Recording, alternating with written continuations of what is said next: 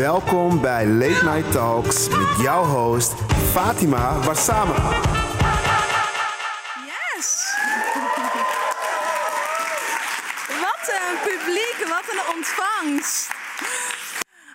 Goedenavond. Welkom bij Late Night Talks. Vanavond hebben we Rudy Asibe, Mireille Bruin, Hussein Suleiman, Andrea van den Bos, muziek van Jesco en natuurlijk een spel. Maar eerst begin ik met dit.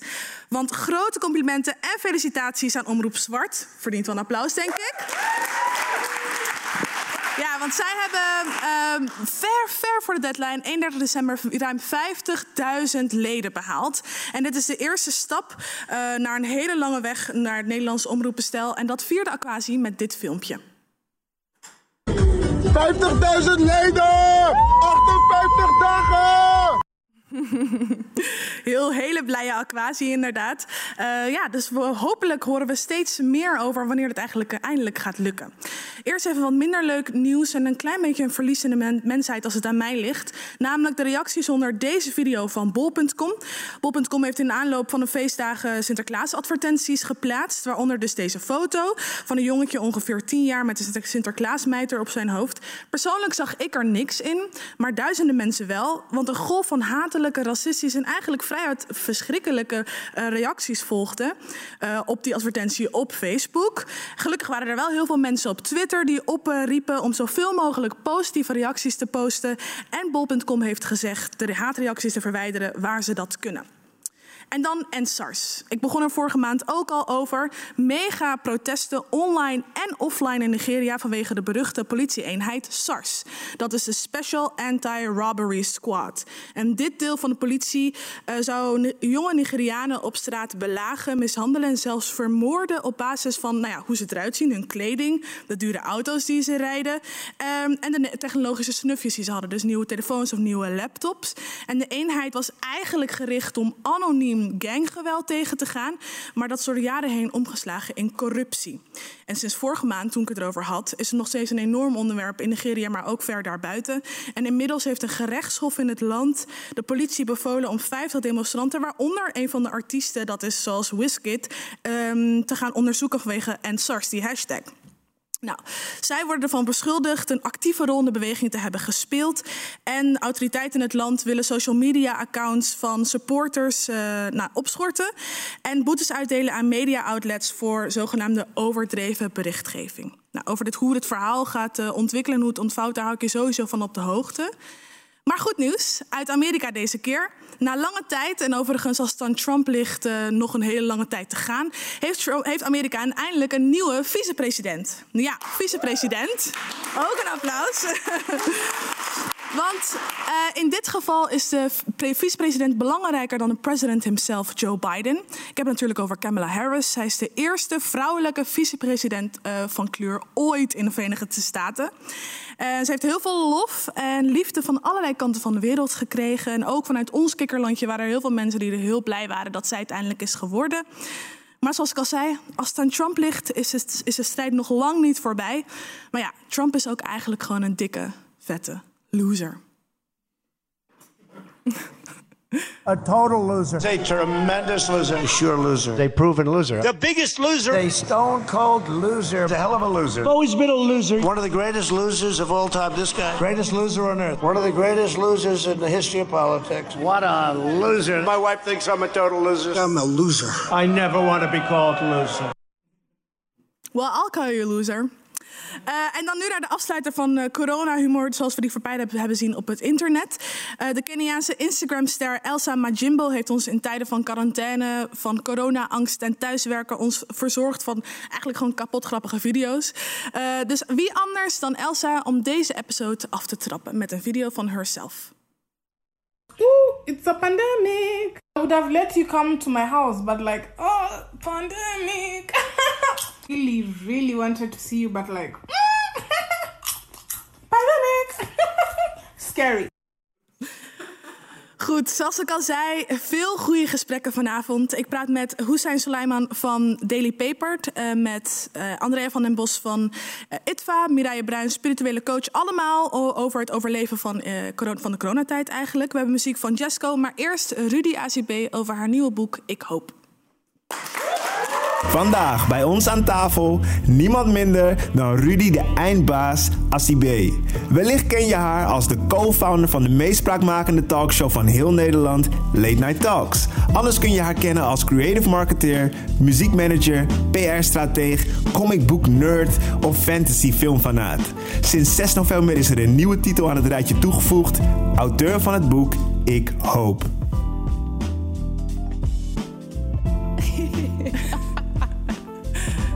Hele grote opsomming van wat je eigenlijk allemaal doet. Maar ik ken je natuurlijk als een van de bedenkers van deze show. En ik ken je al denk ik meer dan langer dan zes jaar of Ja, zo. klopt. Zes jaar. En je, een van je grootste dro- dromen was om een boek eh, te schrijven. En nu heb je die geschreven. Hoe voel je je eigenlijk erover? Heel gek, heel gek. Het voelt, het voelt eh, als een kinderdroom die uitkomt. Ja. En hoe, hoe, wat is het gevoel van je ouders, van je moeder? Mijn moeder is very excited. Ze is WhatsApp University aan het eh, vol spammen met eh, berichten van Rudy Assiwe. En eh, dus ja, het is heel spannend. Ja. Voordat ik verder ga praten over dit boek en alles, dit boek. Alle en alles wat er eh, bij komt kijken, wil ik een spel met je gaan spelen. En jij bent Yes. ook eigenlijk een van de bedenkers van dit spel. Dus jij mag hem aankondigen. We spelen het spel. To the cookout. Yes. Yeah, are you invited? Are you invited to my cookout? Oké, korte uitleg voor iedereen die niet eh, weet wat het spel is. In Fight of the Cookout moet je zo zien. Je bent bezig met een feestje, lekkere chops, corona-proof. Je nodigt wat mensen uit. En ik heb een gastlijst voor je opgesteld. En daar zitten een aantal mensen tussen. En de eerste is eh, minister Slop. Want hij heeft eh, op maandag 9 november verenigde hij eh, reformatorische scholen die homoseksuele, homoseksuele relaties zouden afwijzen. En hij nam dat uiteindelijk terug na ophef die daarom eh, ontstond. En het ging over identiteitsverklaringen op deze scholen. Ouders moeten die ondertekenen voordat hun kind naar, naar school toe gaat. En er staat onder meer in dat ze een homoseksuele levensstijl afkeuren. Eh, een opvallend gegeven is dat hij onlangs de onderwijsinspectie heeft eh, ingezet om op islamitische scholen eh, lesmateriaal waarin homoseksualiteit zou worden veroordeeld onderzoeken. Nou, best wel een dubbele standaard. Wat vind jij ervan? Ja, minister Slob is niet uitgenodigd. Hij mag geen uh, jollof rice van mij. Maar is Skip teruggekomen. I don't care. Sorry, maar in Nederland hebben we echt double standards. En we zeggen altijd dat we super tolerant zijn hier. Maar dan zeg je dit vervolgens. Dit kan niet. Nee. En ik vind ook dat we heel makkelijk doen over een minister die dit zegt. Sorry. Wat Nee. had je dan liever gezien? Is, eh, is het terugnemen genoeg voor jou? Als jij een minister bent en jij zegt dit, je hebt een voorbeeldfunctie. Ik Mhm. vind eigenlijk, net, net als dat je niks over de nazi's mag zeggen en niks over eh, Joodse dingen mag zeggen, is dit even hard. Je bent iemands identiteit aan het bestraffen bijna. Mhm. Nee man, skip minister Slop. En hoe, tot hoe ver gaat eh, vrij- vrijheid van meningsuiting voor jou? Dit is geen vrijheid van meningsuiting. Dit gaat om mensenleven. Mhm. Ja. Duidelijk antwoord. Eh, de mensen, we hebben het ook gevraagd. ja, ik kan het ook niet meer zeggen. Ja, ja. We hebben het ook gevraagd op Instagram. En 11% zei, nou ja, slop mag wel ehm, bij mij komen eten. En maar 89% zei, doe maar niet. Dan de tweede, een krant, Volkskrant. Eh Volkskrant-lezers spraken de krant aan op het eh, ontbrekend gebruik van genderneutrale voornaamswoorden, zoals die, hen of hun. Eh, dat, de ophef, ontstond na een recensie van het nieuwe album van zanger Sam Smith. En hierin werd hij consequent verwezen als zijn en hem. En ja, terwijl Sam Smith duidelijk in het internet op overal heeft gezegd dat hij met genderneutrale voornaamswoorden willen aangesproken wilt worden. Zei ik nou net hij? Ik neem het terug. Gotta check myself before I wreck myself. Good job, good job. Maar goed, dus ehm, de verklaring van de Volkskrant hierover is dat de voorgestelde woorden, hen en hun dus, tot verwarring zou kunnen leiden. En zij zeggen omdat het bestaande woorden zijn die een nieuwe betekenis krijgen. Hoe zie jij dat? Ja, het is eigenlijk bijna hetzelfde als dat van minister Slop. Alleen, oké, ze hoeven niet per se te stoppen met het krant maken van... eh, ja, I mean, Volkskrant mag blijven bestaan. Maar ik vind wel echt dat ze heel makkelijk doen over een woord aanpassen. Er- sorry, maar er worden zoveel nieuwe woorden toegevoegd aan een woordenboek. Waarom is dit zo moeilijk? Maar er zijn ook mensen die zeggen van, nou ja, als je specifiek hen en hun gebruikt, dan moet je dat A uitleggen en B niet iedereen weet wat het is. En het lijkt ook een deel van eh iemands, zeg maar, het maakt ook het heel groot of zo. Hoe zie, hoe zie jij dat? Ja, het is belangrijk, het is groot. Dus waarom niet aanpassen als iemand het vraagt? Het, ik, ik vind dit zo makkelijk gezegd van iemand, again, weer een platform die zoveel lezers heeft. Leg het één keer uit, iedereen die het snapt, next. Ja, maar even advocaat van de duivel, want ik ben het met je eens. Zeker. Er zijn ook mensen, ik bedoel, niet iedereen komt uit de Randstad. Niet iedereen weet wat het allemaal betekent. Heel veel mensen kennen niet iemand die bijvoorbeeld eh, geen van beide de genders zich daardoor eh, identificeert of allebei. Het is wel, het wordt een, ik bedoel, ik verdedig dat hele punt, maar meer van het is een heel ding wat het dan wordt. We maken het een ding door een discussie te voeren, terwijl dat we het gewoon door kunnen voeren.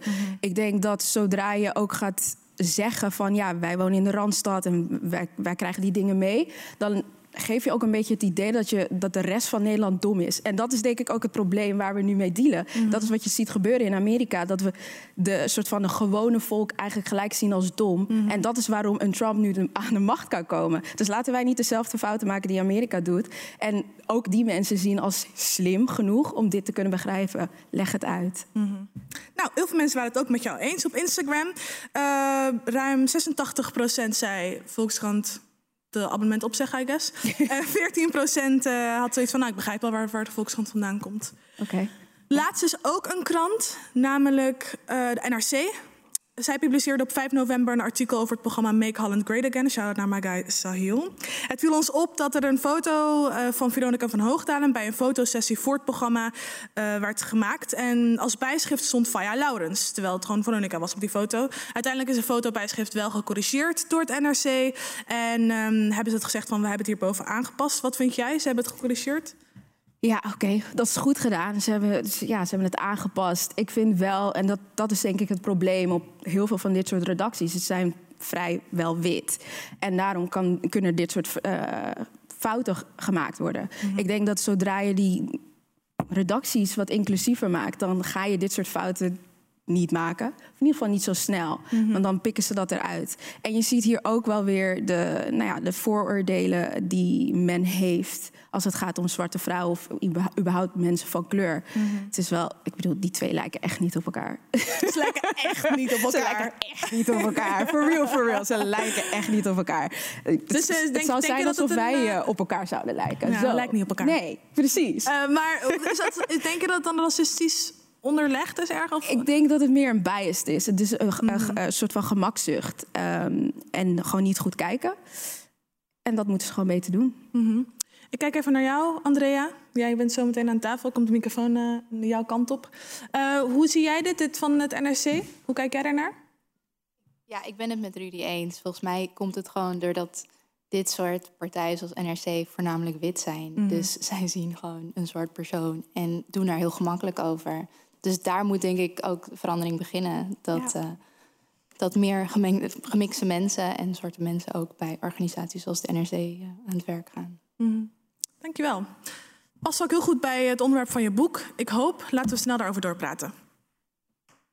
Oh ja, Instagram.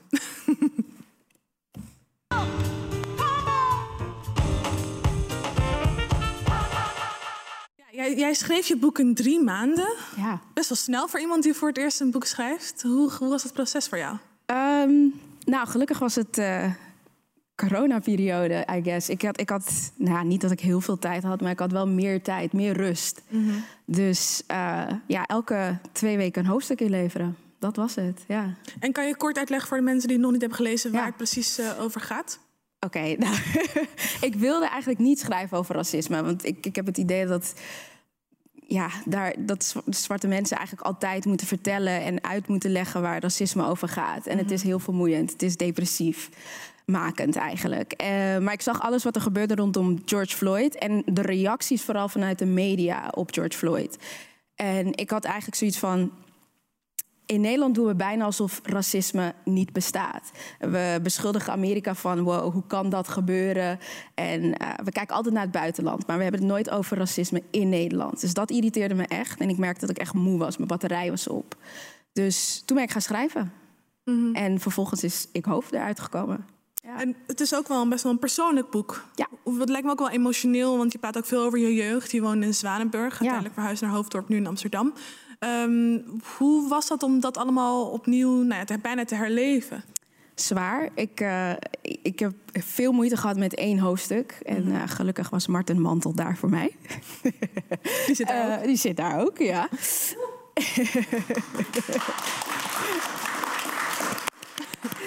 ja, dat was het zwaarste hoofdstuk. ging over mijn, nou ja, de aanval die plaatsvond toen ik, volgens mij was ik twaalf. Waardoor ik, ik werd aangevallen door zeker 10, 15 man die zeiden dat ze nazi's waren. En dat was het heftig. Zelfs als ik er nu over praat, merk ik dat, dat ik het moeilijk vind om zeg maar, erover te praten. Over, om er zeg maar, meer uit te leggen dan wat er is gebeurd. Um, maar ja, dat was het, echt het moeilijkste hoofdstuk voor mij om te schrijven. Ja, want als je het niet erg vindt, wat Ja. gebeurde er? Ja, ehm, wat er gebeurde is dat, nou eigenlijk, je woont in een dorp waar dus heel veel mensen tegen je zijn. Dus op, veel, op vele momenten word je, word je eigenlijk ja, aangevallen omdat je zwart bent. En dit was een soort van de climax van, van al die dingen die gebeurden. Dus ik, ik kwam vanuit school, ik stapte de bus in. Er was voorheen en al allemaal dingen gebeurd en dat kan je allemaal lezen in het boek. Maar ik stapte de bus in en ik hoorde alleen maar Rudy is de lul, Rudy is de lul. En ik wist wel wat er gebeurde, maar ik wist niet dat dit zou gebeuren. Dus vervolgens stapte ik de bus uit en nou, ja, ik zocht een andere weg naar huis, maar dat lukte niet. En toen kwam, kwamen een groep mensen naar mij toe en uh, nou ja, vielen ze me aan in principe. Dus ik kreeg van links, rechts klappen, man en vrouw, whoever ertussenin. Mm. Dat gebeurde op dat moment. Ik kan vrij weinig echt herinneren na dat. Dus ik kan herinneren dat de eerste klappen kwamen. Maar ik weet niet hoe ik naar huis ben gekomen. Ik ben wel naar huis gegaan, mm. uiteindelijk. En ik ben niet in het ziekenhuis beland, dus dat, thank God. Ja. Gelukkig, maar dat is ook wel heftig dat je daar dan wel blij mee moet zijn. Dat wat minste... Ja, zeker. Ja. En dat is een beetje het hoogtepunt geweest voor jou om... Want wat gebeurde er daarna voor jou? Ik denk dat wat uh, met mij gebeurde is dat ik heel veel van mijn emoties toen ben gaan afsluiten. Dus ik... Was bewust dat ik bepaalde dingen voelde, maar ik wilde ze niet bespreken en ik wilde ze wegstoppen. En ik denk dat dat daarvoor al heel onbewust uh, nou, in de opvoeding is meegegeven. Een soort van laat die dingen los. Als ze zeggen van je bent Zwarte Piet, laat het los, laat het los, komt goed. Ja. Uh, en dit incident zorgde ervoor dat ik echt dacht van oké, okay, weet je wat? We gaan het er ook niet meer over hebben. Ik heb letterlijk tegen mijn moeder gezegd: ik wil het er niet meer over hebben. Dit is het. Ik ben de volgende dag de bus ingestapt met dezelfde mensen. En ben gaan zitten en ben gewoon weer naar school gegaan. Ah. En nu heb je er een boek over geschreven. Nu, woon je, nu ben je 30 jaar. Je woont heel ver van Zwanenburg vandaan. 20 minuten. In your mind, hopelijk. Ja, ja. Uh, hoe, hoe kijk je terug op die periode? Um, voor mij is dat, is dat een periode, wat, is een andere Rudy. Ik, ik omschrijf het ook bijna als een andere Rudy. Ik mm. uh, herken mezelf niet. Ik was echt kleiner gemaakt dan dat ik was. En ik heb het idee dat ik nu gegroeid ben naar een persoon wie ik had moeten zijn. Als ik in een andere stad was opgegroeid en dit niet had meegemaakt, dan was ik dit wat al eerder geweest. Ja. Dat gevoel heb ik. Ja. Ook toen ik aan het lezen was, wat ik in het dagboek had gezet, in mijn dagboek had gezet. Dacht ik, wauw, ik herken dit niet. Het is echt iemand anders. En het is pijnlijk om je dagboek terug te lezen en te zien hoe een kind van 12 haar eigen huidskleur haat, eigenlijk. Ja. Want was het een beetje soort van therapeutisch bijna, het schrijven ja. van Ik Hoop? Maar ja, zeker omdat ik eindig met ik hoop. ik denk, zeker na dat, na, na dat incident had ik geen hoop. Ik had twijfels, heel veel twijfels over mezelf, over mensheid, mm. over witte mensen. Ik had heel veel haat. Mm -hmm. En ik denk dat dit boek eindigt met ik hoop, omdat ik toch het gevoel heb dat er, dat er dingen beter gaan. En zeker naar 1 juni, naar zoveel mensen op de Dam, zoveel mensen in de Bijlmer. Dat het, ik voel dat het be beter gaat nu, mm. ja. En ik, ga, ik heb hier een passage uit ja. het boek. Um, je schrijft... Uh, mijn huidskleur had een negatieve lading. Jarenlang vond ik dat zelf ook. Ik wilde er zo graag bij horen, uh, omdat ik er fucking onzeker over werd. Mij verontschuldigen voor mijn kleur werd normaal. Zoals Aquasi dit mooi zei in zijn nummer Wat Sorry. Sorry dat ik zwart ben, sorry dat ik zwart denk, sorry dat ik zwart praat. En nu zijn dit toch best wel woorden die tot op dag van vandaag misschien wel nog heel erg relevant zijn. Ja. En als je zegt ik hoop, wat is dan de hoop die je dan hebt en hoe, hoe kunnen we daar eigenlijk komen? Nou ja, ik denk dat we er nog lang niet zijn. Ook al heb ik heel veel hoop. Um, ik denk wel dat, dat, dat wat George Floyd en de uh, protest op de Dam... en alle dingen die daaruit zijn gekomen... ervoor hebben gezorgd dat een heleboel mensen... Mm -hmm. ik haat dit woord, maar oké, okay, wakker zijn. Woke. Woke. Um, maar ik denk wel dat, dat heel veel witte allies uh, wakker zijn geworden. Dat zij nu beseffen van oké, okay, we moeten die allies worden. We zijn hier nu voor jullie. En uh, zodat wij nu een beetje rust kunnen pakken. Dus mensen van kleur rust kunnen pakken. Want we hebben die strijd al zo lang gevoerd. Ik, heb, ik wil pauze man. Ik wil even gaan chillen. Ik wil Game of Thrones gaan kijken. maar, maar schreef je dit boek dan voor jezelf of voor, voor anderen? Ik, het is een combinatie. Ik denk dat toen ik klaar was, dat ik besefte van wow, dit is heel goed voor mijzelf geweest. Um, het was helend voor de, de 12-jarige, 13-jarige in mij. Maar het was ook een stukje bedoeld voor mijn moeder, omdat zij haar verhaal niet heeft kunnen vertellen en ik nu wel. Mm -hmm. En voor de 13-jarige van nu, die nu niet per se in Amsterdam opgroeien, maar in, in, in de rand, ja, echt buiten Amsterdam opgroeien. En nu moeten dealen met 5 december. ja, sad. Het is echt sad, ja, ja. ja. En ook misschien ook wel voor het witte mensen om dat te ja, lezen en te, zeker. en te kijken van hoe het, hoe het perspectief is aan de ja, andere kant? Ik denk dat uh, ik, ik begon met heel veel woede. De eerste hoofdstuk is denk ik veel woede. Mm. En in het midden dacht ik, oké, okay, ik ga het wel uitleggen. Maar met echt rollende ogen van oké, okay, als je het nu niet snapt. En dat is denk ik waar als, als je als wit persoon dat leest, dat je echt denkt: wow, ik dacht echt dat ik daar was. Ik dacht dat ik het allemaal snapte, maar oh, er zitten een heleboel nuances in die ik niet mm. helemaal begrijp. Mm. Dus daar is het ook voor. Als je een beetje in het midden zit en je, je denkt, hm, ik weet het niet zo goed, dan moet je dit lezen. Lees dit boek. Ja. Laatste vraag, want je bent uh, bezig ook met een podcast. Je hebt een podcast opgenomen, ja. ik hoop. Ja. Voornamelijk met vrouwen van kleur. Met jou erin. Met mij erin. ik wil het niet zeggen, maar ik zit erin. Ja. um, maar uh, vertel even heel kort over, over die podcast. Even schaamteloze... Uh, schaamteloze plug. Ja. Um, ja, ik hoop de podcast is gewoon... Ik wilde dit soort gesprekken voeren toen ik twaalf was eigenlijk. Ik wilde mm. mensen om me heen hebben die mij zouden inspireren... en die mij hoop zouden geven en uh, trots zouden maken om van wie ik ben, als Ghanese en als zwarte vrouw zijn. Er zijn een heleboel intersectionalities die, waar we nu een woord aan, aan hebben gegeven. Dus ik voer die gesprekken nu met heel veel succesvolle, mooie vrouwen van kleur. Ja. Rudy, ik hoop, ik hoop het ook. We hopen het eigenlijk allemaal. Koop dit boek, dat kan nu. Dankjewel, Rudy. Yes.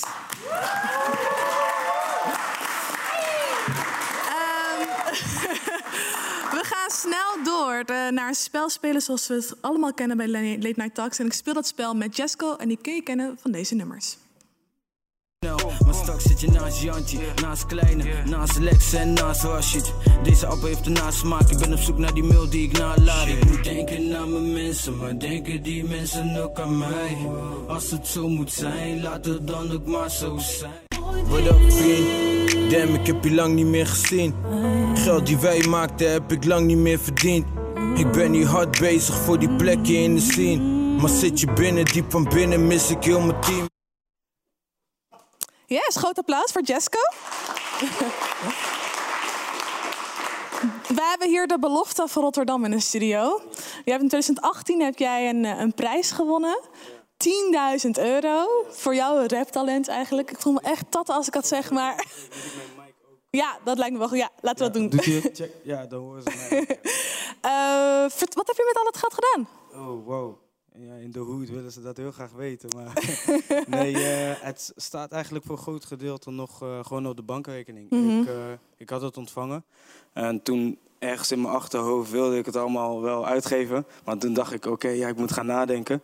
Um, naast het geldbedrag mocht ik ook een buddy uitkiezen. Toen heb ik voor winnen gekozen.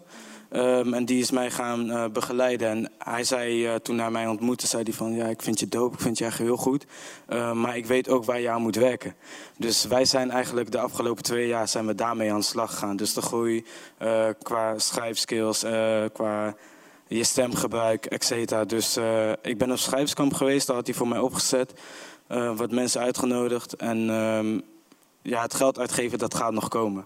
Voor het groot gedeelte staat er dus nog op mijn bankrekening. Heel goed. En we ja. hebben het vanavond uh, zo meteen ook over corona en de coronaperiode. Ja. Hoe was die periode voor jou? Um, ja, even, in het begin was het heel erg schrikken. Ik weet dat ja. ik, uh, voordat het hier ging landen, uh, ben, ik naar, ben ik naar Dubai geweest. En toen merkte ik al wel dat het al wat leger werd.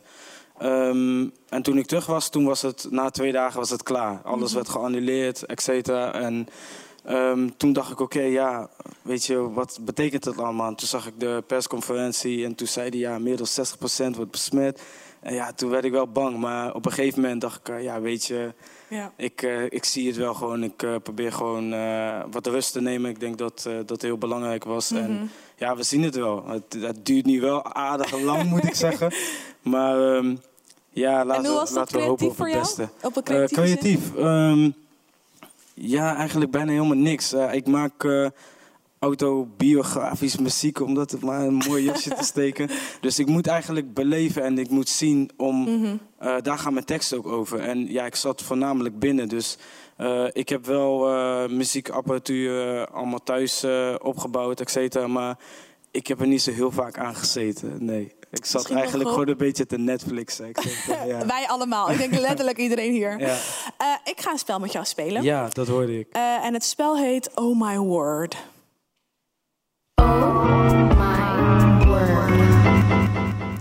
Ja, daar hebben we een scherm. Ja. En ik, eh, ik ga het spel even uitleggen. Ja.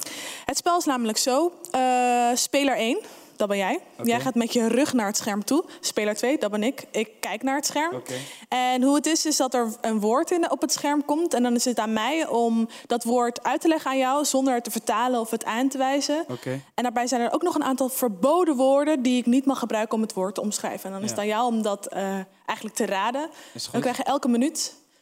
Wil jij eh, met je rug tegen het scherm aan staan? Ja, zo- dat... we kunnen eigenlijk ook Ja. gewoon van plek Dat lijkt me goed. verwisselen. En dan, Volgens mij gaat er ook een timer af. Hier links heb ik eh, redacteur Gerald die het allemaal netjes bijhoudt. En die zal zo meteen de winnaar uitroepen. Ehm, het eerste woord, denk ik dan.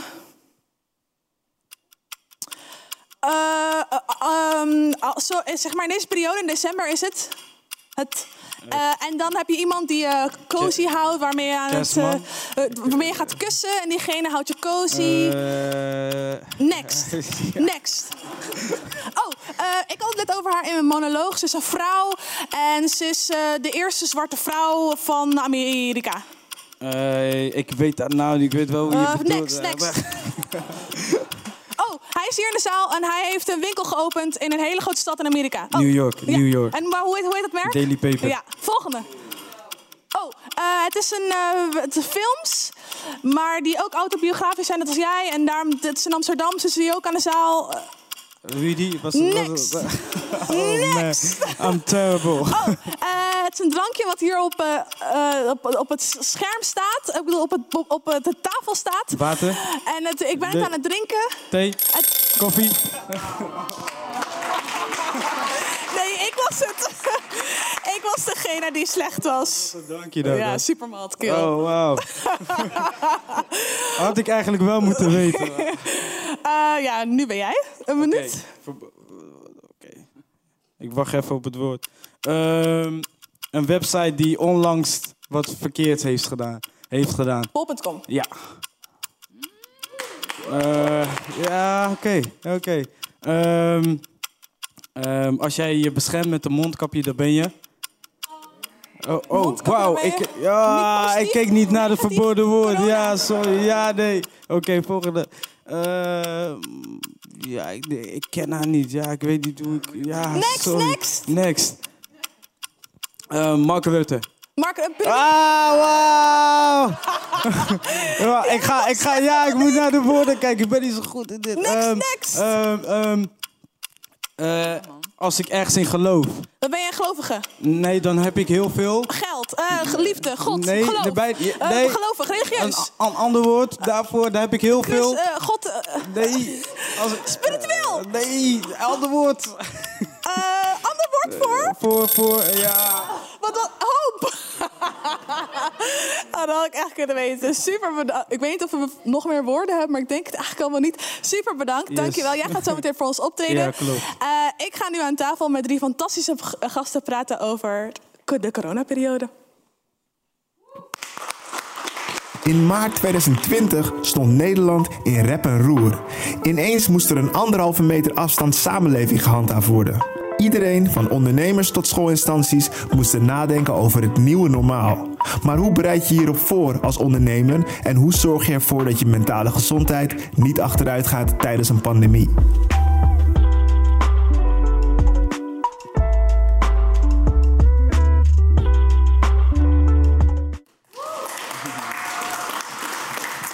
Yes, aan tafel van links naar rechts. eh, Andrea van den Bos, uh, Hussein, Suleiman en uh, Mireille Bruin. Dankjewel allemaal voor het komen. Uh, Hussein, ik begin eigenlijk met jou. Want uh, jullie hebben met Daily Paper, zijn jullie winkel begonnen. Uh, of gestart, of ge geopend in New York. Yes. Gefeliciteerd trouwens. Dankjewel. Holy shit. in coronaperiode, hoe was dat uh, voor jou? Um, was niet gepland om het uh, in coronaperiode te openen. Het is een uh, proces waar we bijna twee jaar mee bezig waren. Mhm. Mm -hmm. En uh, eigenlijk zouden we op 2 april open gaan. En twee weken voordat we open gingen, kregen we dus te horen dat, dat het niet mogelijk was voor mensen uit Europa om naar Amerika te gaan. Mhm. Mm. Dus toen zeiden we, oké, okay, laten we het even uitstellen. Ja. Het zal vast niet zo heel lang duren. New York gaat echt niet dicht, kan toch niet? Dat dachten wij. En, uh, ja, en vanaf dat moment ging het eigenlijk uh, heel slecht met New York. Mm -hmm. En uh, ik heb daar toen nog iets van zeven weken gezeten. Mm -hmm. Hopen dat het, dat het misschien wat beter uh, zou gaan. En het ging alleen maar slechter. Ja. Toen ben ik teruggegaan naar Nederland. En ja, nu hebben we hem laatst geopend. Ja, ja. wauw. Laten we even kijken naar een filmpje waarin eigenlijk dit proces wordt vastgelegd. Yes. On April 2nd, we were supposed to open our first store in New York. We were just two weeks away from opening, but that was put to a halt. New York City, as we know now, was one of the cities that got hit the hardest. And I was literally in the middle of all of it. I wasn't even thinking about the store or like, when are we going to open? At that time, I was just really thinking about, okay, how can I get back home? We did not panic when this happened. The whole mentality of our company was that we should always focus on stuff that we can control and we should not put too much thought into stuff that we can't control. Our mission is to tell stories through our clothing of our African heritage. We grew up in the West and we did not know enough about the history of the lands that we come from, and we want to use fashion as that vehicle to learn more about this. Because of Daily Paper, we got to travel a lot of different African countries. Everywhere I went, I learned more about stuff that I would never learn in any textbooks in the West.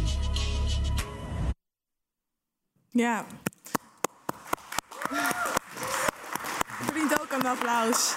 Ja, want eigenlijk sinds het bestaan van jullie merk, acht jaar geloof ik, Ja. uh, zijn jullie super hard geleidelijk aan het groeien. Hoe is dat, is dat nu anders in de coronaperiode? Um, ja, anders. Ja, we zijn uh, gelukkig nog steeds aan het groeien. Mm -hmm. um, mede door de kracht van het internet. Mm -hmm. Ik uh, ben sowieso super dankbaar dat we zoveel mensen kunnen bereiken over de hele wereld. En uh, dit is de eerste keer dat we een winkel hebben geopend buiten Amsterdam. Dus dat was super spannend. Ja. we hebben niet gekozen voor een Parijs of een Londen of iets wat dichter bij huis was. Mhm. We hebben gewoon gelijk gekeken naar New York, wat voor ons wel de, de hoofdstad is uh, van de wereld. Ja. En, ja. Waarom eigenlijk? Het zou misschien wel makkelijker zijn als het in een Rome of in een Parijs of in een. Ja, waarom? Geen idee. Ik dacht gewoon, ja, ja, ik dacht gewoon van... Nee, weet je eens, ik was een keertje gewoon in New York en ik uh, met mijn vrienden, we gaan bijna elke Fashion Week daar wel eens naartoe. En uh, dan loop ik nu door die straten, loop ik door, naar die winkels, zie ik die merken. En uh, in Amerika, als je daar niet bent, als je daar niet fysiek niet aanwezig bent, dan besta je gewoon niet. Mhm. Mm -hmm. Bijvoorbeeld in Europa, dan kunnen ze je kennen van het internet, et cetera. Maar als je in Amerika niet fysiek daar aanwezig bent, dan, dan, dan besta je gewoon daar niet. En uh, ja, ik liep daar gewoon heel veel rond en toen dacht ik van, we zijn toch niet harder dan ons. Wij, wij zijn toch veel harder dan al die merken die hier zitten. Dus uh, um, toen zei ik, uh, heb ik gewoon een gesprek gehad met mijn, met mijn partners. Gezegd van, ik denk dat we gewoon een winkel moeten openen in New York. En gewoon, ja, get rich or die trying. Ja, shoot your shot. Gewoon. Ja, precies. Ja, en want jullie zijn uiteindelijk wel gewoon ondernemers. En daar gaat het gesprek ook voor een deel over bij jou, van onderneming coronaperiode. Zijn er dingen die je bijvoorbeeld anders hebt gedaan, of die jullie anders hebben gedaan... Uh, tijdens het starten van dit proces uh, in deze tijd die jullie bijvoorbeeld niet hadden gedaan? Als het geen corona Ja, wij houden wel van uh, feestjes geven. En um, normaal gesproken zou een opening in New York gewoon gepaard gaan met een, met een feestje. Heel veel van mijn vrienden die wouden ook komen. Dus 2 april, de datum dat we officieel open zouden gaan, zouden heel veel vrienden van over de hele wereld zouden invliegen. Mhm. en, eh, om, dat, om dat die mijlpaal samen met ons te vieren. Ja, dat kon dus niet. Nee. Eh, dus dat hebben we dus niet gedaan. Dus we zijn wel open gegaan, maar niet op de manier dat we voor ogen hadden. Ja, want het is inderdaad, ik lees ook veel dat het een hele schadelijke periode kan zijn voor veel ondernemers. Maar zijn ook wat kansen, denk ik. Inderdaad. Kansen om je, ja, toch wel de creativiteit op een bepaalde manier in te vullen. Hoe hebben jullie dat gedaan? Nou ja, kijk, het is natuurlijk het is, het is een hele onzekere tijd. Dus mensen weten nog niet precies wat gaat gebeuren.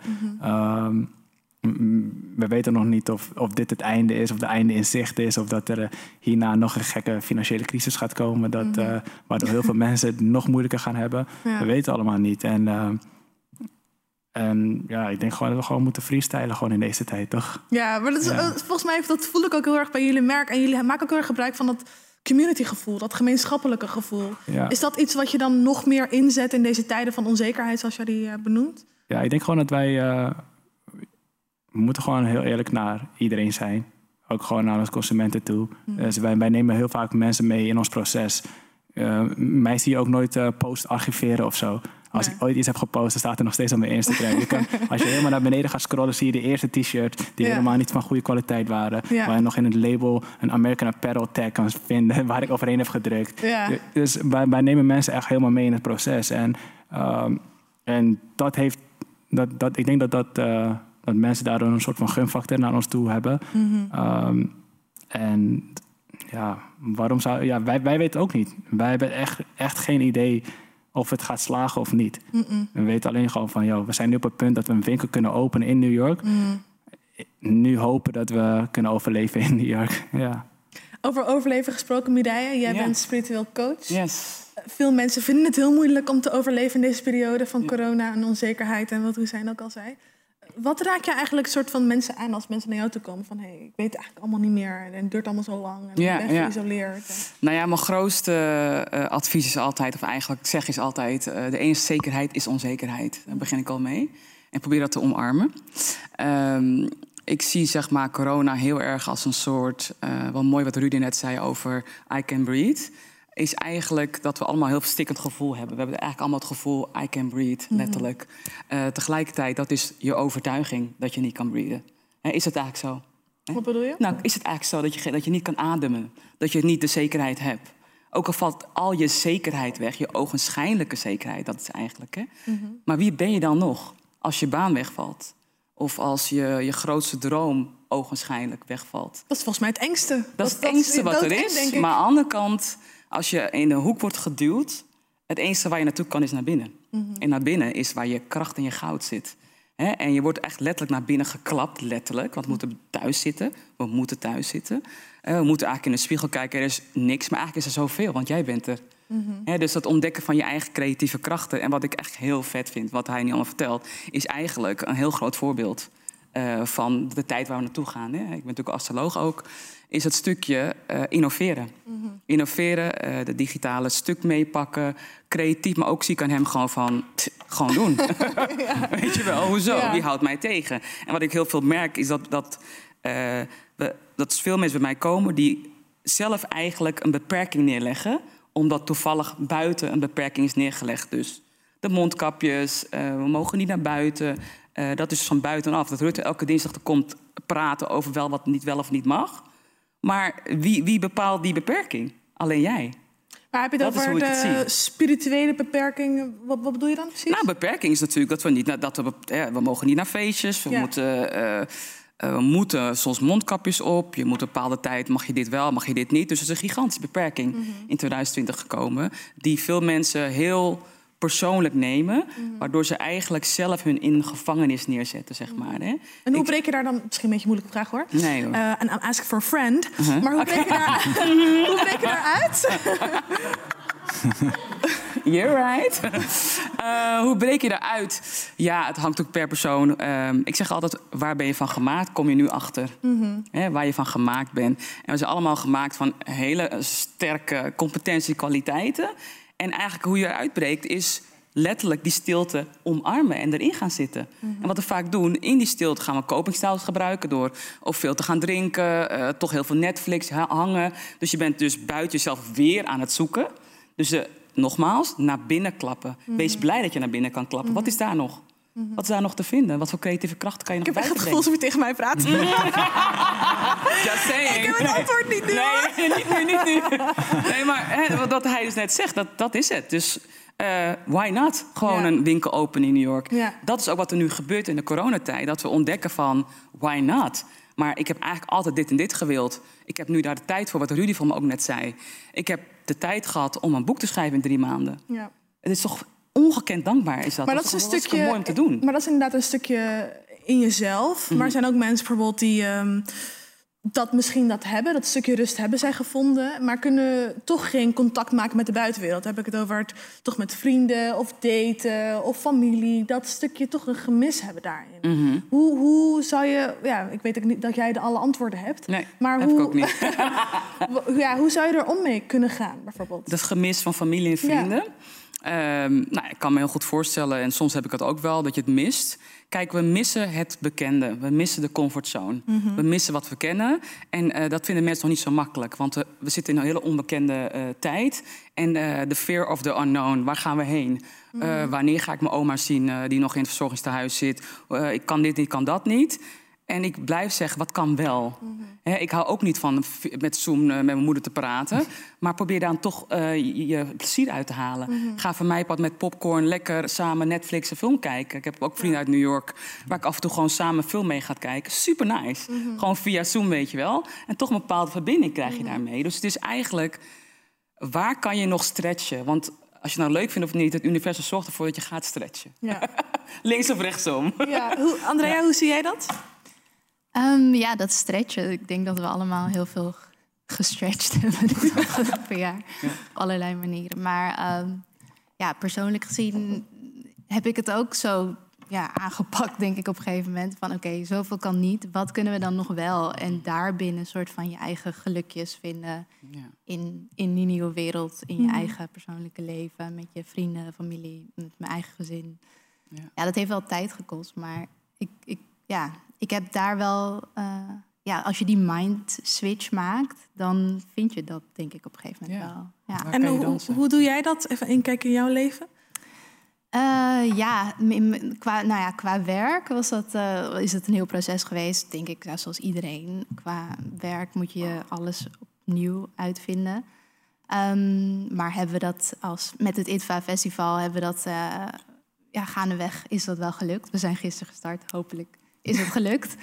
Ehm, en is dat gewoon een proces geweest van, oké, wat zijn de opties? We moeten waarschijnlijk online gaan. Nou ja, let's go. En Mhm. laten we dan kijken wat we kunnen doen, wat we kunnen bouwen en hoe we het festival gewoon compleet kunnen, bijna compleet kunnen digitaliseren, zeg maar. En ehm, ja, we zijn best wel ver gekomen. We hebben eigenlijk ons hele programma nu eh, bieden we online aan. Ook wel offline, maar dat, zijn maar, nou ja, dat zijn, is maar één vertoning per film. Eh, de rest is allemaal vanuit huis te zien. Ja, het is ook echt een enorme onderneming eigenlijk. Want ITVA is het grootste documentaire filmfestival hier in Nederland. Ehm, in de wereld. In de wereld. en die gewoon echt bekend staat voor ook zijn offline experience. Ja. Hoe was dat eh, opzetten ook vanuit jouw kant? Want jij doet eh ITVA Meets. Ja. Hoe, hoe was dat vanuit jouw kant om dat te, mee te maken? Nou ja, het was eerst zeg maar denk ik een soort van accepteren vanuit, vanuit het hele team van oké, we moeten hier, ons hier gewoon aan overgeven. Want het hele, nou ja, dat bijzondere van het festival, dat iedereen samenkomt, dat we juist alle filmmakers vanuit de hele wereld een platform geven om hun werk waar ze al jaren aan hebben gewerkt te Mhm. presenteren en daar met mensen over in discussie te gaan, met mensen daarover te kunnen napraten. Om dat dus niet fysiek meer te kunnen doen, Ja. dat moesten we eerst maar gewoon accepteren en dan kijken, maar wat is er dan wel mogelijk? Ja. En, ehm, en toen zijn er juist ook heel veel nieuwe mogelijkheden ja, eh, naar boven gekomen. Van oké, dan gaan we dat online doen. Ja. En hoe gaan we dan mensen erbij betrekken online? En ehm, wat voor programma's kunnen we dan... Ja, wat is interessant dan? En dan ga je toch wel, ontdek je gewoon nieuwe dingen... die je anders niet zo snel zou doen. Dus ook het ITVA Meets programma gaan we dus nu volgende week eh, live uitzenden. Ja, vertel, vertel, want jij bent daar waarbij je zeg maar vanuit een ITVA invalshoek een bepaalde doelgroep probeert te bereiken die wat lastiger te bereiken is voor het festival. Jongeren Ja. voornamelijk. Ja. Ehm, ik ga trouwens hosten. Eh, wat, wat, wat gaat er allemaal... ehm, kan je wat meer vertellen over het programma? Ja, ja nou, het It Van Meets programma is eh, een tijd geleden dus zijn we dat gestart. Maar vanaf dit jaar is het echt officieel onderdeel van het festival. En de hele instelling, of de insteek daarvan was... oké, we willen een jongere doelgroep bereiken als festival zijnde. Dat lukt ons niet, nog niet goed genoeg in tien dagen van het jaar. Want het festival is alleen in november. Ehm, we, moeten, en we hebben zoveel mooie documentaires. En het is gewoon zo zonde dat we dat niet met nog meer mensen kunnen delen. Dus het programma is echt bedoeld om zoveel mogelijk documentaires en verhalen te delen. En dat Mhm. met zoveel mogelijk verschillende partijen te doen. Dus het It Van Meets programma is echt bedoeld om door het jaar heen... met verschillende partners in verschillende stadsdelen... op verschillende locaties... een programmering rondom verschillende documentaires te creëren. En ehm, dat Ja. gaan we nu volgende week ook doen. Geheel online. Ja. Ja. Ja. Maar ik bedoel, we hebben het veel over acceptatie nu. En dat is ook inderdaad een groot deel van hoe, het, hoe de, de positieve kant op kan. Maar het is toch ook gewoon kut. Alles wat er nu met corona gebeurt. eh hoe zei Ik helemaal niks kut vind. Ja, Ja, nee. het is ook gewoon moeilijk. Ik, het, zeg maar, ik, het is ook gewoon moeilijk en lastig. En ondernemer zijn en hopen dat het maar fixable is. Ja. Sorry, nee, nee, grapje. het- ja, mooi. nee, nee, nee, inderdaad. Het is, het is, het is ehm, anders. M- Het is, dat is het gewoon. Precies. Ja. En eh, wij hebben... Er zijn heel veel dingen tijdens, corona, tijdens deze tijd gebeurd... dat ehm, in- binnen ons bedrijf voor heel veel positieve... eh, eh, een heel positief eh, effect zal hebben in de Mhm. toekomst. Mhm. Ehm, we hebben aan heel veel dingen kunnen werken... waarvoor we hiervoor veel minder tijd hadden. Ehm, ja, en ik probeer gewoon nog, nog steeds wel als blessings te zien. Ja. ja. Het is gewoon een, een positieve verandering. Ja. Gaan een verandering eigenlijk. Ja, precies. Ja. En je, je moet op, op hele andere. Op, op hele andere. eh, op hele andere aspecten moet je veel beter je best doen. Mhm. eh, dan dat je vroeger deed. Mhm. En wat is iets waar jullie heel trots op zijn, wat jullie nu hebben kunnen doen en wat eigenlijk niet zo goed kon daarvoor? Ehm, ja, er zijn dingen die nog uit moeten komen. ja. Geen sneak peek? Wel nee. gemanifesteerd. Ja, we hebben gewoon bepaalde dingen gedaan waar. ehm, ja, ik kan het gewoon echt niet vertellen. Ja. Oké, dan ga ik door naar de Mirai die wel wat kan. Want jij bent bezig met een eh 12 sterrenbeelden video einde van Ja, het jaar. ja, ja, eind van het jaar. eh, ik ben eigenlijk nu al bezig echt heel hard werken. Dus ik eh, maak uitgebreide, krachtige eh, video's van voor volgend, volgend jaar. Mhm. eh, per teken. Hè, dus stel dat je bent leeuw, zon, en je bent ascendant, ben je schorpioen, maan ben je steenbok. Zijn de belangrijkste om te kijken wat je kan verwachten volgend jaar. Mhm. Waar ligt de focus? Ga ik de liefde ontmoeten? Ga ik werken? Ga ik richting werk? Ga ik projecten doen? Eh, moet ik een nieuw boek eh, publiceren? Wanneer moet ik dat doen? Heb ik heel uitgebreid, ja, ja, uitgebreid neergezet. Wanneer zijn er retrogrades? Dat soort dingen. Dus een hele krachtige video, die ga ik dus eh, vanaf december kan je dat bij mij kopen. Ehm, eh, waardoor je dus vooral voor de mensen die wat meer controle willen en wat meer zekerheid, want zo zijn we nou eenmaal, Mhm. dat hoort gewoon bij de mens, kan, het je, kan het je heel erg helpen om volgende stap te maken. Mhm. Ik denk dat we allemaal behoefte hebben om ergens in door te breken. En geloof me, dat gaat ook gebeuren. Eh, vooral dingen waar je nu mee bezig bent, kan je ervan uitgaan dat de aankomende 20 jaar eh, dat je daar een rol in gaat spelen. Ik dacht, hoopte echt dat jij Mhm. Nee, nee. zeggen aankomend jaar. Ja, nee, ja, is een mooie. Nee, nee, wacht, wacht, 20 jaar wacht. is De eerste jaar, de eerste jaar is de grootste injectie volgend Oh, jaar. Echt een giga-injectie waar je Ja. echt denkt: wow, eh, ik herken mezelf niet meer. En dan ga je een nieuwe stap maken. Maar ik bedoel mee te zeggen, wat je aanpakt, dus wat hij nu aanpakt, Mhm. eh, gaat heel veel invloed hebben de aankomende 20 jaar. Dus financieel, eh, hè, eh, misschien meerdere zaken, dat soort dingen. Maar dat is eh, invloed, dat kan positief en negatief. Eh, nou, ik, laat ik zeggen, als jij een nieuwe, nieuwe baan begint op dit moment, dus vooral voor december 2020, hebben we een hele grote conjunction tussen twee grote planeten. planeten. Wat je dan doet, dus misschien heb je net een nieuw YouTube-kanaal, een nieuwe winkel, een nieuwe relatie, is over het algemeen heel lang termijn. Oké. Ja. Ja, hoe? Inderdaad. Heel veel Super bijzonder. Dus ja, dat, eh, dat, eh, dat doe ik. En dus is er bijvoorbeeld iets wat we kunnen verwachten het, het aankomende jaar? Of in, in ieder geval een bepaalde mindset waar we Ja. ons in kunnen zetten? Want volgend jaar, ik denk dat het voor een heel groot deel gaat bestaan zoals gaat zijn zoals nu. Ja, misschien komen nu vaccins, maar ik denk dat wij allemaal niet worden geïn- geïn- ingeënt als Nee. eerste Nee. eh, mensen. Dus Nee. dat gaat voor ons volgens mij nog heel lang duren. Ja. Is er een bepaalde tip die je aan ons kan geven al om onze mindset bijvoorbeeld Ja, nou eigenlijk weer naar hem toe. Ik ga weer naar hem toe, want hij praat en ik denk alleen maar... oh ja, dit is precies wat ik wil zeggen. Eh, we zitten namelijk in een, in een vissentijdperk. Eh, bear with me, want ik ga het echt even heel concreet uitleggen. en we gaan naar de wa- waterman-tijdperk. We zitten dus vanuit hier heel erg in de hiërarchie. Eh, mensen gaan ons vertellen wat we moeten doen. En de waterman-tijdperk is... Fuck it, ik doe wat ik wil doen. Mhm. Hè, dus heel erg de entrepreneurs, de zelfstandige ondernemers... die gaan echt opstaan. Ben jij waterman? Nee, nee, nee, hij is geen waterman. Tenminste, nee, hij is geen waterman. Wat is jouw Nee. teken? Wat is er wel? Ik ben een eh, stier. Oh, mm, succesvol. Nee. nee, maar goed, de Waterman-tijdperk is zeg maar... eh, ehm, dus entrepreneur, eh, open-minded, vernieuwing, Mhm. heel veel technologie, digitaal, wat jij doet. Hè, wat je zei, we gaan gewoon bam, digitaal. We gaan alles digitaliseren, misschien komen robots, nou, dat weten we al, vliegende dingetjes die voorbij komen. dus we, worden meer, eh, we gaan meer ook samenwerken in plaats van ik alleen. Hè, want we merken dat we allemaal dezelfde zuurstof inblazen. Hè? Want dezelfde zuurstof zit zogenaamd allemaal corona in. En in, hè, nee, nee, even zo gezegd, hè, dus... Maar er zit ook... Oké, er zit corona ook- in de... het is in- ook zo. Nee, oké, oké. Er zit dus allemaal corona en we gaan allemaal dezelfde zuurstof inblazen. Dus we komen erachter, we zijn allemaal hetzelfde. Ja, donker, wit, eh, whatever. En het nieuwjaar gaan we echt ontdekken... wacht even, hoe kunnen we nog meer co-creation? Hmm. Hoe kunnen we nog meer samenwerken? Dus we gaan heel veel samenwerking opstaan. Echt jongens, het wordt een super mooi jaar. Geloof me echt. En veel krachtiger. Ik word heel Oh, helemaal. Ja, ik word ook heel erg- Word je enthousiast Ja, mee? Ja, echt de shit. Ja. allemaal samenwerken. Nou ja, jij bent, al helemaal, jij bent al helemaal met, vanuit, vanuit het samenwerkingsgevoel, het famiet, dat is eigenlijk waar het voor staat. Dat is wat het ja, co-creating, eh, samen doen, samen ontdekken, samen zijn. Eh, hoe zie je dat vanuit jouw beleving, de film- en de kunstwereld, en hoe zij bijvoorbeeld eh, reageren op wat COVID heeft veroorzaakt in onze hele leven eigenlijk?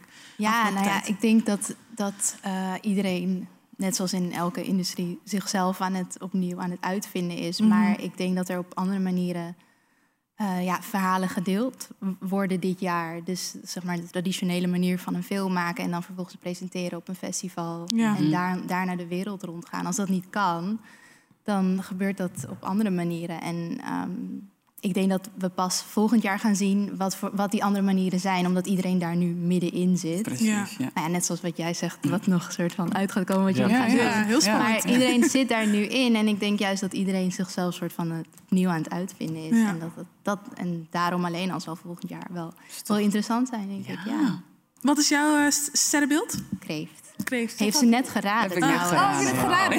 Ja, ik vond ze aanvoelen bij En wat mij. is jouw eh, Ik ben kreeft en ascendant leeuw. Leeuw. Ja. Ik weet, ik weet Ja. eigenlijk niet wat dat betekent. Iemand zegt wauw. Ehm, En maanmaagd. Eh, j- jij ehm, gaat nog wat vrijkaarten weggeven voor het Van Miets aankomend eh, weekend. Drie keer Volgend weekend. Volgend weekend. Dus dat is twee keer drie kaarten. Ja. En die kunnen mensen gewoon op onze Instagram gaan, eh, daarvoor gaan meedoen. Voor de winactie. als ze, volgens mij als ze iets commenten, toch, bij Ja, jullie? als ze commenten, Dan dus doe het ze kaartjes winnen. Ja. Als jullie Fatima willen zien hosten, Mm. dan go for it. Dankjewel. Allemaal heel erg bedankt. Dank jullie wel. Applaus.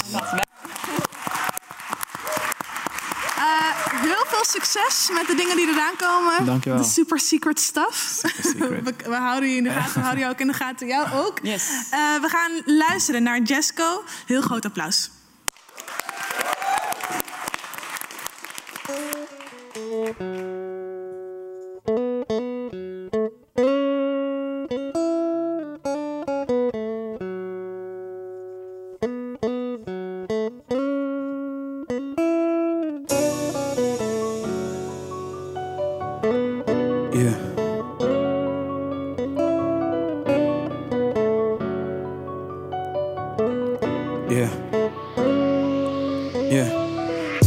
Oud, maar de man in huis. Ben niet de type die het lammetje blijft. Mijn pa staat vast en zolang hij krijgt, dus fuck, wij moesten naar het bandjeshuis. Mama wist het niet meer. Ik pak mijn pen en ik bloed weer. Van alles geprobeerd, vaak gesolliciteerd. Maar afwijzing op de kleur, maar dat doet zeer. Voert aan als fout van je niet leert. Liep stelen in winkels, ik moest wel. Was alleen om te eten, gedoucht jou. De bewaker komt, jongen, doe snel. Want straks zit je naast Jantje, naast Kleine, naast Lex en naast Rashid. Deze appel heeft een nasmaak. Ik ben op zoek naar die mul die ik nalaat. Denken aan mijn mensen, maar denken die mensen ook aan mij? Als het zo moet zijn, laat het dan ook maar zo zijn. Ik ben geen maar Henny Lokka voelt veel te fijn. Welke kill de pijn, welke slok die kill de pijn. Wow. Welke kill de pijn, welke slok die kill de pijn. Welke, welke? Blessing met de curse. Amen. Met mama in de church. Amen. En de pastoor elke dag stoort. Wanneer kom ik aan de beurt? Damn, ik zie Naatje aan de deur. Ik gaf van mijn bed en te eten. Meer dan mijn geld om te leven. En zelfs wat wiet om te blazen. Lap zijn gezicht en ik was blij. Maar Jesco de eventjes niet kijken. Stelde hij gewoon mijn dossie mij. Ga, nu vraagt hij om mijn verse. Yeah, harde les, maar wel een wijze. Hij leerde me beter te kijken. Naar kleine letters en cijfers. Waarvan niemand ooit maar iets gaat begrijpen. Goddammit. Denken aan mijn mensen, maar denken die mensen ook aan mij? Als het zo moet zijn, laat het dan ook maar zo zijn. Geen drinker, maar Henny Lokka voelt veel te fijn. Welke kill de pijn, welke slok die kill de pijn. Wow, wow, wow. Kan iedereen één hand in de lucht doen? Dat mag natuurlijk wel. En dan gaan we van links naar rechts. Yeah. Hey, welke kill de pijn, welke slok die kill de pijn. Ja,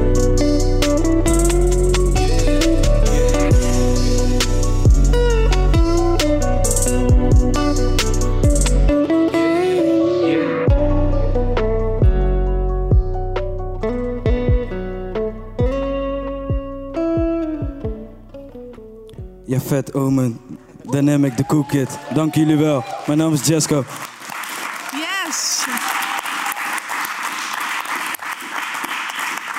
Jesto, ontzettend bedankt. Andrea, Hussein, Mireille en Rudy, ontzettend bedankt. We zien jullie allemaal volgende maand weer hier terug. Dankjewel.